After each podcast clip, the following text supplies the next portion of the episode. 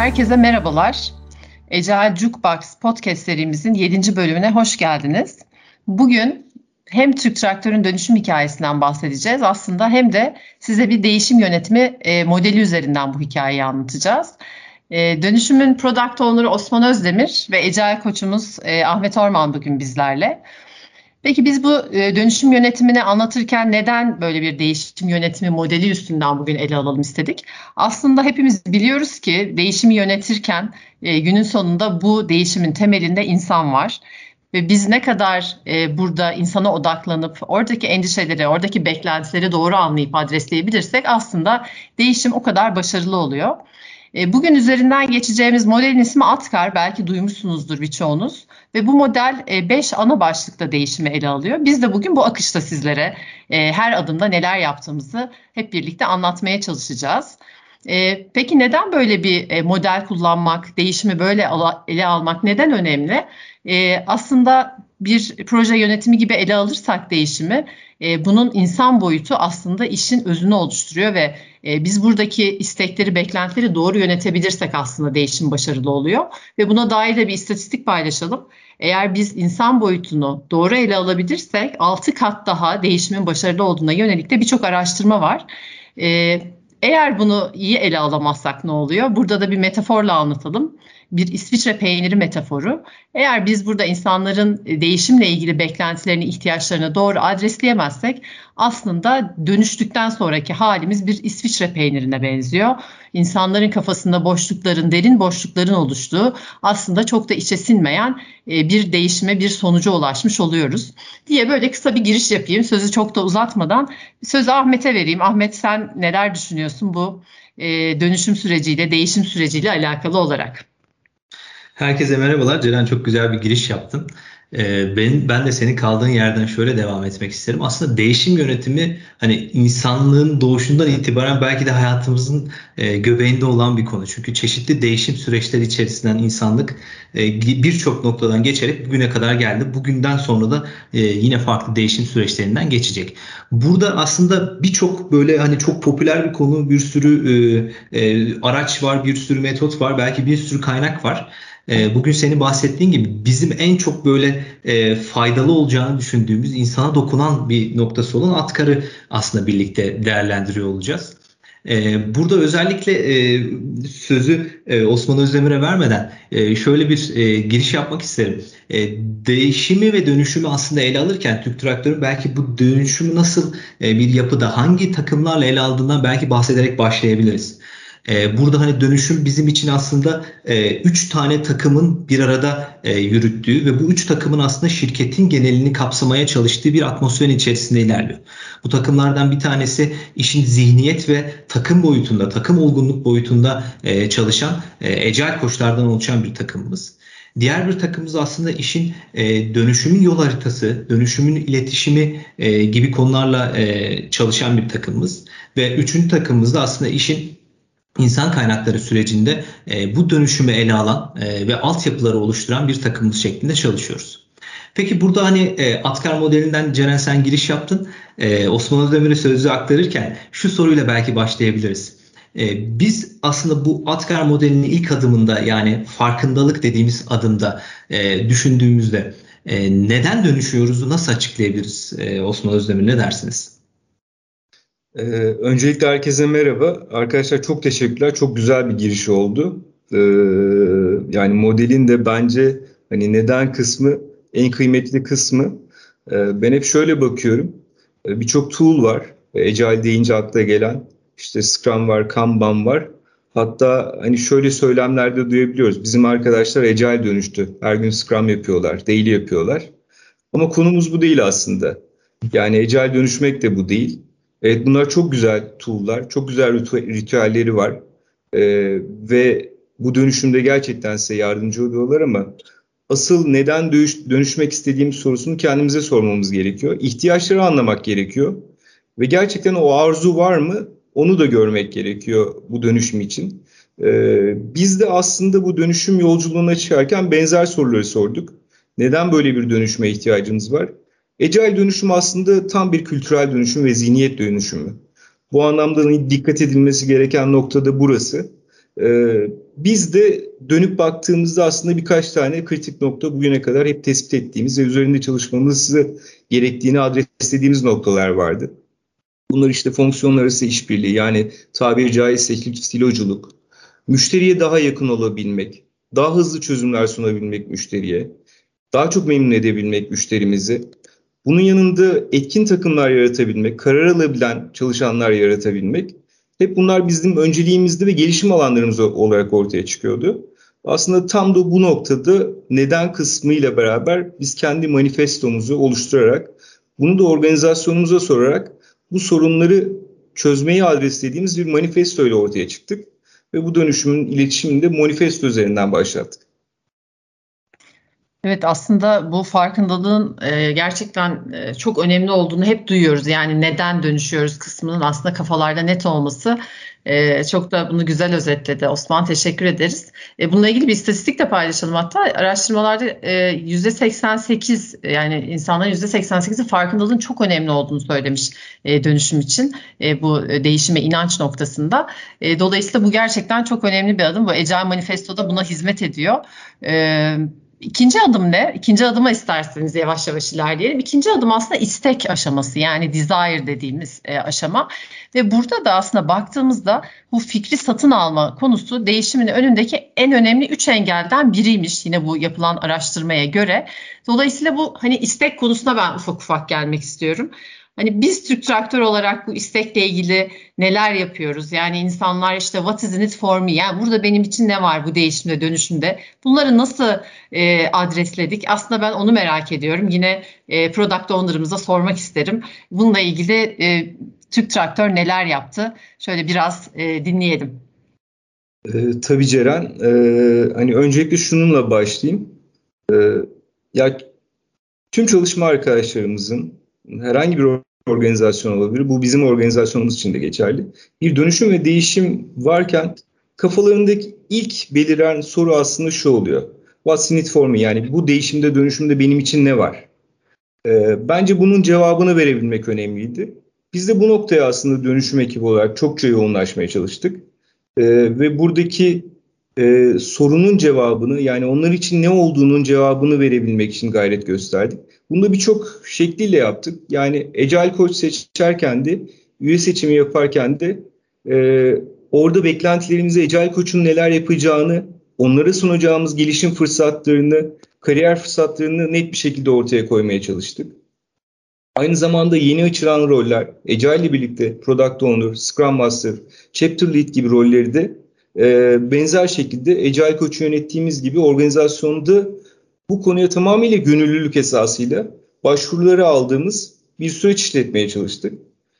Tabii What's in it for me'de e, bu kadar değişen bir dünyada geleceğin çalışma modellerini, çalışma ortamlarını konuşuyoruz. Her şeyin çok farklılaşacağını, bu mega trendlerin çalışma hayatında büyük oranda değiştireceğini düşünüyoruz. Agile aslında bu yani geleceğin çalışma modeli. Bugünden bunun içerisinde olmalarını sağlayacağımızın sözünü verdik arkadaşlarımıza, çalışma arkadaşlarımıza. Bu önemliydi. E, bu tool'ları, bu yaklaşımı, bu zihniyeti öğrenmek aslında onlar için bambaşka bir e, gelişim aşaması diyebiliriz. Tabii bununla birlikte de Agile'ın aslında bizlerden beklediği, tüm çalışanlardan beklediği tek bir alanda uzmanlık değil, T-shaped hatta M-shaped diyebildiğimiz farklı alanlarda uzmanlığın gelişimi bu da aslında o takımlar içerisinde e, bunların olabileceğini çok net bir şekilde gözlemleme şansımız oldu. E, ve bunun da sözünü verdik. Aynı zamanda da tabii ki yetkinlik gelişimi.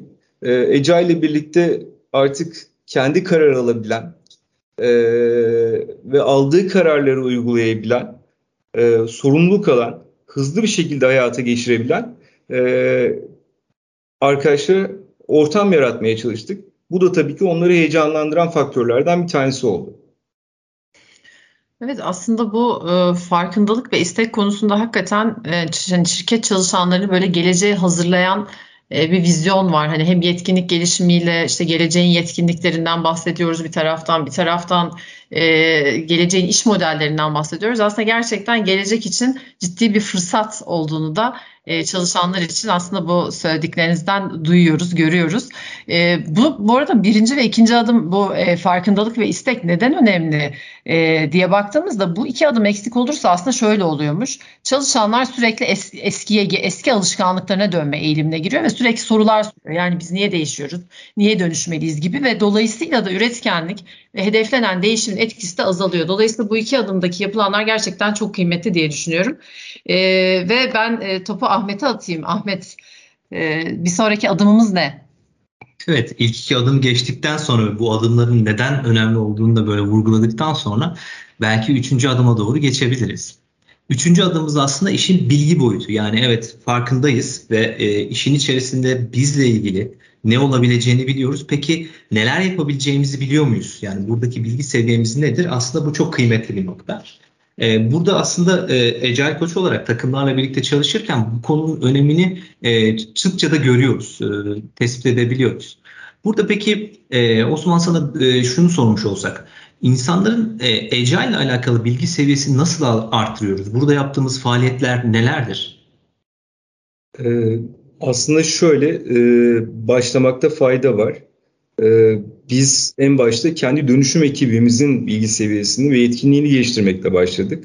Ee, ve bununla birlikte de üst yönetimimiz e, bu konudaki farkındalık eğitimleriyle e, bizi nelerin beklediği, onlardan beklediğimiz davranışlar, davranış setlerinin neler olduğu ile ilgili aslında eğitimlerle başladı. Bunun paralelinde de Holding'le beraber yürüyen bir Ecel Akademi süreci vardı.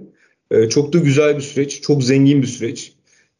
Dünyanın en iyi bu konudaki uzmanlarının yeri aldığı e, bir akademi yapısı oluşturuldu. Çalışanlarımızı ihtiyaçları doğrultusunda e, şu an herhangi bir pilot projede olsun olmasın veya dönüşüm sürecinin içerisinde yer alsın yer almasın geleceğe hazırlamak adına bu akademideki eğitimlerle tanıştırdık. Bunun yanında tabii ki e, bizim dönüşüm ekibimizin özellikle Ecel Stüdyo'nun kendi gelişimini tamamlaması ve ilerletmesiyle beraber onların içeride e, gerçekleştirdiği e, Agile tool'larla ilgili farklı eğitimler e, ortaya çıktı. Bu sayede de çalışanlarımızın neredeyse %50'sine dokunabildik. E, bu bu arada yaşayan ve devam eden bir süreç.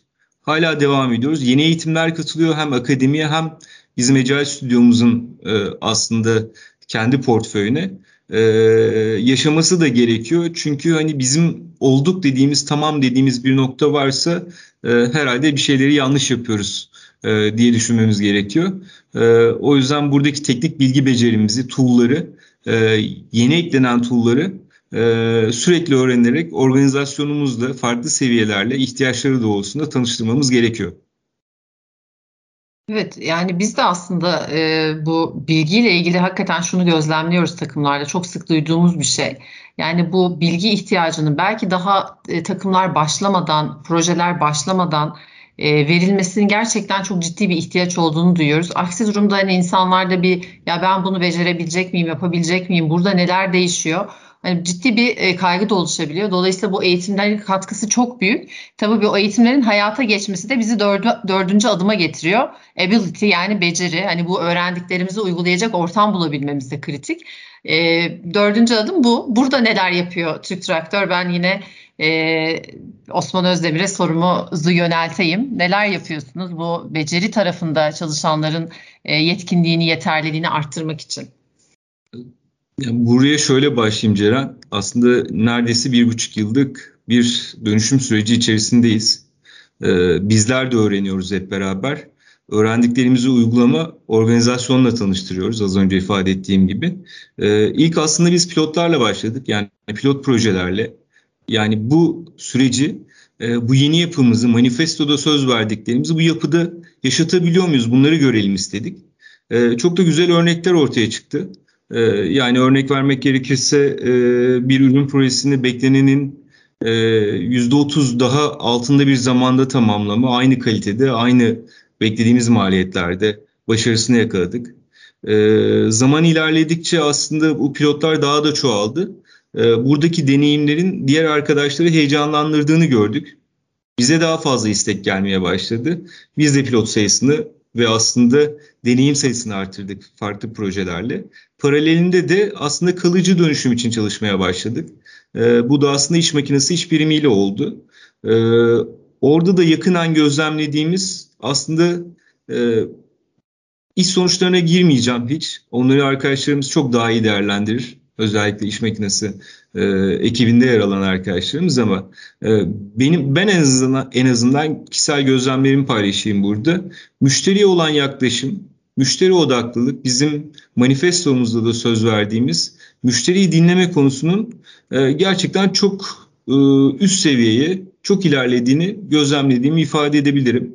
Yani müşteriye verdiğimiz teklifin e, teklif süresi bile ciddi oranda, yedide bir oranında azalmış durumda. Bunu da arkadaşlarımız kendileri dile getiriyorlar. Bunun yanında da aslında bir taraftan da Agile koçlarımız yani sizler bu takımlara koçluk yapıyorsunuz. Sadece takımları değil, dönüşümü tasarlarken dönüşüm ekibiyle beraber üst yönetime de benzer koçluğu sürdürüyorsunuz. E, bu da yeterli değil. Agile aslında bize yeni roller getirdi. Yani Product Owner, e, Scrum Master, Tribe Lead e, veya Chapter Lead gibi yeni rolleri tanıştırdı bizimle organizasyonumuzda. E, bugüne kadar hiç duymadığımız rolleri. Bu rollerden beklediğimiz yetkinlik setleri ve tabii ki bizim normal liderlerden veya çalışanlardan beklediğimizden biraz daha farklı. Buradaki uzmanlık gelişimi için de aslında sadece PO'lar için veya Scrum Master'lar için oluşturduğumuz uzmanlık gelişim ve deneyim paylaşım ortamları yaratıldı. Ee, ve bu dönüşümün başından beri de devam eden bir süreç. Hakikaten artık hani oradaki uzmanlık gelişiminin de PO'ların birbirine aktardığı bir sürece dönüşmesi de e, bizi mutlu ediyor. E, burada iyi yol aldığımızı açıkçası gösteriyor diyebilirim. Evet aslında kesinlikle bu beceri tarafında da hani çok farklı roller ve beklentiler oluştu. Hani sadece öğrenen değil aslında katkı sağlayan o işte e, deneyimlerini paylaşan ortamları da biz böyle iki haftada bir e, bu arkadaşlarımızla birlikte hayata geçiriyoruz. E, orada da çok güzel bir birbirinden öğrenme ortamı da aslında oluşuyor. Birbirimizin hatasından öğrenme, hep hatadan öğrenme kültürünü yerleştirelim diyoruz. Biz neyi yapamadık da aslında konuştuğumuz ve bu yönde de kendimize yeni e, çözüm yolları araştırdığımız çok güzel ortamlar e, aslında yarattık e, kendimize diyebiliriz. E, ve yavaş yavaş galiba son adıma geliyoruz e, Ahmet. E, sana istersen ben yine son adım için e, nedir bizim son adımımız bu değişim yönetimi modelinde diyeyim. Sözü sana vereyim. Kesinlikle sohbet çok heyecanlı gidiyor. Son adıma gelince böyle bir üzüntü gibi hissettim bir yandan Ceren sen söylerken. Ee, şeyi vurgulamak istiyorum. Özellikle bu e, bilgi ve e, yetkinlik adımlarını konuşurken, üçüncü ve dördüncü adım konuşurken belki şunu söylemek de kıymetli olabilir. E, bu adımlarda istenen sonuçlar elde edilmezse, bu adımlar aslında eksik kalırsa neler olur diye düşündüğümüzde de belki bu adımların ne kadar kıymetli olduğunu da altını bir kez daha çizmiş oluruz. Ee, burada hani eğer bu adımlarda istediğimiz noktaya ulaşamazsak aslında yeni çalışma biçimi, organizasyon ve takım tarafından aslında benimsenemez, anlaşılamaz ve iş sonuçlarına aslında yansımaz. İş sonuçlarıyla birleştirilemez.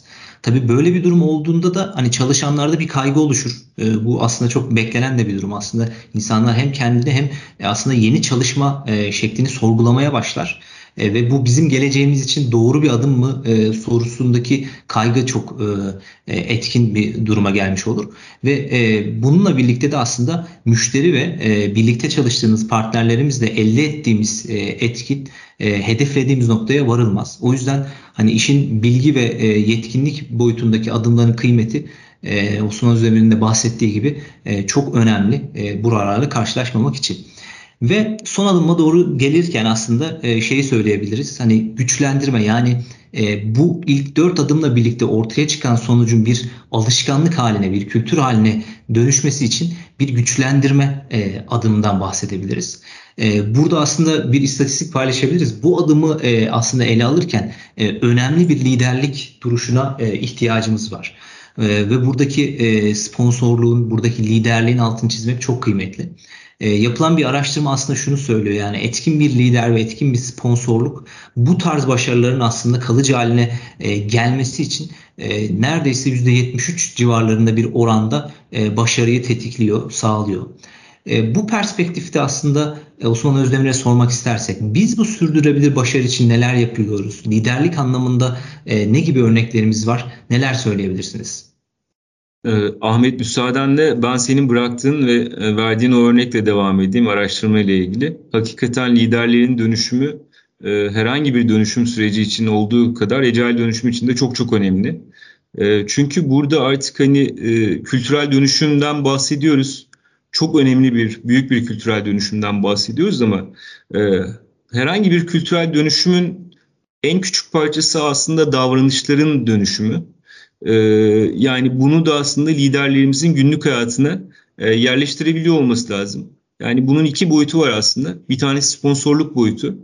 Gerçekten bu dönüşüme inanmak ve onun destekleyicisi olmak ve organizasyonunu e, sadece e, kendi ekibini değil diğer ekipleri de bu konuda motive edebilecek, e, sürükleyebilecek liderlere ihtiyaç var. Heyecanlandıracak liderlere ihtiyacımız var. Ama bütün bunları yaparken de beklediğimiz bu davranışları hayatına geçirebilen, e, bu davranışları sergileyebilen, e, bizim manifestoda da belirttiğimiz çalışanlarını e, daha yetkin hale gelmeleri için destekleyecek, onlara kendi kararlarını almaları ve uygulamaları için alan yaratabilecek liderlere ihtiyacımız var. E, biz de tam bu noktada aslında liderlerimizin dönüşümü için e, onlarla farklı seanslarda e, bir araya geliyoruz. Onların gelişimine öncelik verdik. Organizasyonumuzdaki her kademe lider için bunu yapıyoruz. E, bununla birlikte de bu dönüşüm içerisinde özellikle pilot ve deneyim süreçlerinde onlara görevler vererek onların bu dönüşümü bir parçası ve bunu olmalarını ve aynı zamanda da yaşamalarını sağlamaya, e, faydalarını gör, görmelerini, e, eğer bir şeylerin ters gittiğini hissediyorlarsa da e, gerçekten bu noktada müdahale olmaları için alan yaratmaya çalışıyoruz diyeyim. E, liderlerden girdik. Ama diğer taraftan hani birçok şey konuşuyoruz aslında. Yetkin çalışanlar kendileri karar alsınlar. E, şeffaf bir ortam yaratalım, çalışma ortamı yaratalım. E, bunları yapmak için de bir takım engeller var. Yani engeller ne? Bugüne kadar kullandığımız aslında insan kaynakları süreçleri bizim hiyerarşik yapılarımıza uygun süreçler. Bunların dönüşümü çok çok önemli. Performans yönetiminden işe alıma, e, yetenek gelişimden eğitim planlamaya, gelişim planlamaya kadar birçok sürecin üzerinde insan kaynakları sürecinin içerisinde üzerinde çalışıyoruz şu an. Yani ekipleri aslında biz şunu vermek istiyoruz bu ekiplere. Kendi çalışanları ile ilgili onların e, dışarıdan alınacak, o ekibe katılacak çalışanların seçimiyle ilgili sorumluluk alsınlar, ekip olarak sorumluluk alsınlar. E, bir yöneticinin sorumluluğu olmasın. Ekip kendi performansından sorumlu olsun. Birbirlerine bu konuda geri bildirim verebilsinler ve verdikleri bu geri bildirim doğrultusunda da kendi gelişimlerini o ekip içerisindeki bireylerin gelişimlerini planlayabilsinler. Ee, en kritik süreçlerden bir tanesi bu bence insan kaynakları süreçleri. Son zamanlarda sizin de girişte aslında dönüşüm ekibinin yapısında ifade ettiğiniz gibi e, çok ciddi bir odağımızda bu konu. E, ve peyderpey e, performans, iş alım, rotasyon, yetenek e, yönetimi gibi konuların her biri agile yapımıza uygun hale getirilmeye çalışılıyor. Ee, bir kısmında hem pilot ekiplerde hem de kalıcı dönüşmüş iş makineleri ekibinde uygulamaya da başladık diyebilirim. Bir de bunun yanında tabii ki şey var. Ee, başka engeller de çıkıyor. Yani bizim işte bütçe sürecimiz olabilir, onay mekanizmalarımız olabilir. Şirket içerisinde bugüne kadar yürüttüğümüz hiyerarşiden beslenen bir takım sistemlerimiz, süreçlerimiz. Burada da bu söz verdiğimiz yapının içerisindeki e, kontrollü otonom e, yapıyı kurabilecek e, bir süreç değişikliğine gitmemiz gerekiyor. Dönüşüm ekibiyle beraber de aslında tam anlamıyla e, buraya odaklandık.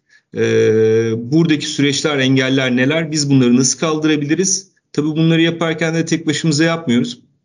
E, Agile'ın bence hani en güzel tarafı bu. Birliktelik, hep beraber olmak. Bu süreçlerin uzmanı arkadaşlarımız, bu konudaki organizasyonumuzdaki yetkin yöneticilerimiz onlarla birlikte tasarlıyoruz diyebilirim. Gerçekten dönüşüm lideri olarak bu 5 adımda e, çok güzel bilgiler paylaştınız. E, eminim dinleyenler de bu anlamda çok ciddi fayda sağlarlar. Belki onlara şöyle e, bir e, güzel bir özet ve güzel bir böyle öğrenmişlikten böyle bir not düşmek istesek. Bu yolu özellikle yeni çıkanlara verebileceğiniz, bizlerin geçtiği bu yollardan öğrendiğimiz, e, hatadan öğrendiğimiz konuları böyle düşündüğünüzde ne söyleyebilirsiniz, ne önerebilirsiniz onlara? Ee, güzel soru Ahmet. Öncelikle teşekkürler. Ee, ya şimdi girişte şöyle bir hatırlarsanız başlangıç yapmıştım. Ee, hani Agile tool'ları, ritüelleri kullanmak veya Scrum ritüellerini kullanmak Agile dönüşmüş, dönüşmek anlamına gelmiyor. Ee, biz de belki en fazla e, yaptığımız hata veya hata demeyelim, o da bir ihtiyaç bu arada. Ee, bu ritüellerin ve teknik tool'ların öğretilmesi konusunda çok hızlı bir giriş yaptık organizasyona. Ee, daha fazla odaklanabileceğimiz e, taraf neydi derseniz kültür tarafı. Çünkü e, daha önce ifade ettiğim gibi kültürün değişmesi hakikaten çok zor ve çok uzun zaman isteyen e, bir konu. Burada da direkt davranışlara gitmek ve davranışlarımızı değiştiriyor olmamız gerekiyor. Buraya daha çok zaman ayırabilirdik. Ama bundan sonra daha çok zaman ayıracağımızın en azından mesajını da şimdiden verebilirim. E, daha yoğunlaşacağımızı. E, diğer tarafta e, diğer yaptıklarımız açısından da iyi yaptıklarımız da vardı bence. Yani dönüşümün kalıcı dönüşüme çok hızlı odaklanmamak, çok hızlı gitmemek, İK süreçlerini dönüşümünü gerçekleştirmek, bundan sonraki dönüşüm için, devamı için bence güzel bir adım da oldu. Yani hem negatif paylaşırken iyi olduğumuz tarafları da iyi yapmaya çalıştığımız tarafları da paylaşmakta fayda var diyebilirim. Valla ben hem e, Ahmet'e hem e, Osman'a çok teşekkür ediyorum bu keyifli sohbet için. Ben de bir yandan dinlerken e, kendi dönüşüm hikayemiz de böyle film şeridi gibi gözümün önünden geçiyor. E, benim için çok e, keyifliydi. İnşallah dinleyicilerimiz de keyif almıştır ve bu anlattığımız 5 adımda değişim yönetimi modeli de inşallah herkesin dönüşüm yolculuğunda da böyle bir ışık tutan, onları yolu aydınlatan bir araç olur. Hakikaten şu bugünkü konuşulanlardan aslında hani böyle bir cümleyle özetleyecek olsam herhalde bu zihniyet tarafını dönüştürmenin, kültürü değiştirmenin aslında e, gerçekten e, ecel dönüşümdeki en önemli e, konulardan biri olduğunu herhalde bugünkü e, konuşmamızdan çıkarımda bulunmuş e, olabiliriz diye düşünüyorum. E, ben tekrar o zaman herkese çok teşekkür ediyorum e, bu keyifli sohbet için. E, bundan sonraki bölümlerde de e, görüşmek üzere diyorum. Hoşçakalın. Görüşmek üzere. Teşekkür ederiz. Hoşçakalın.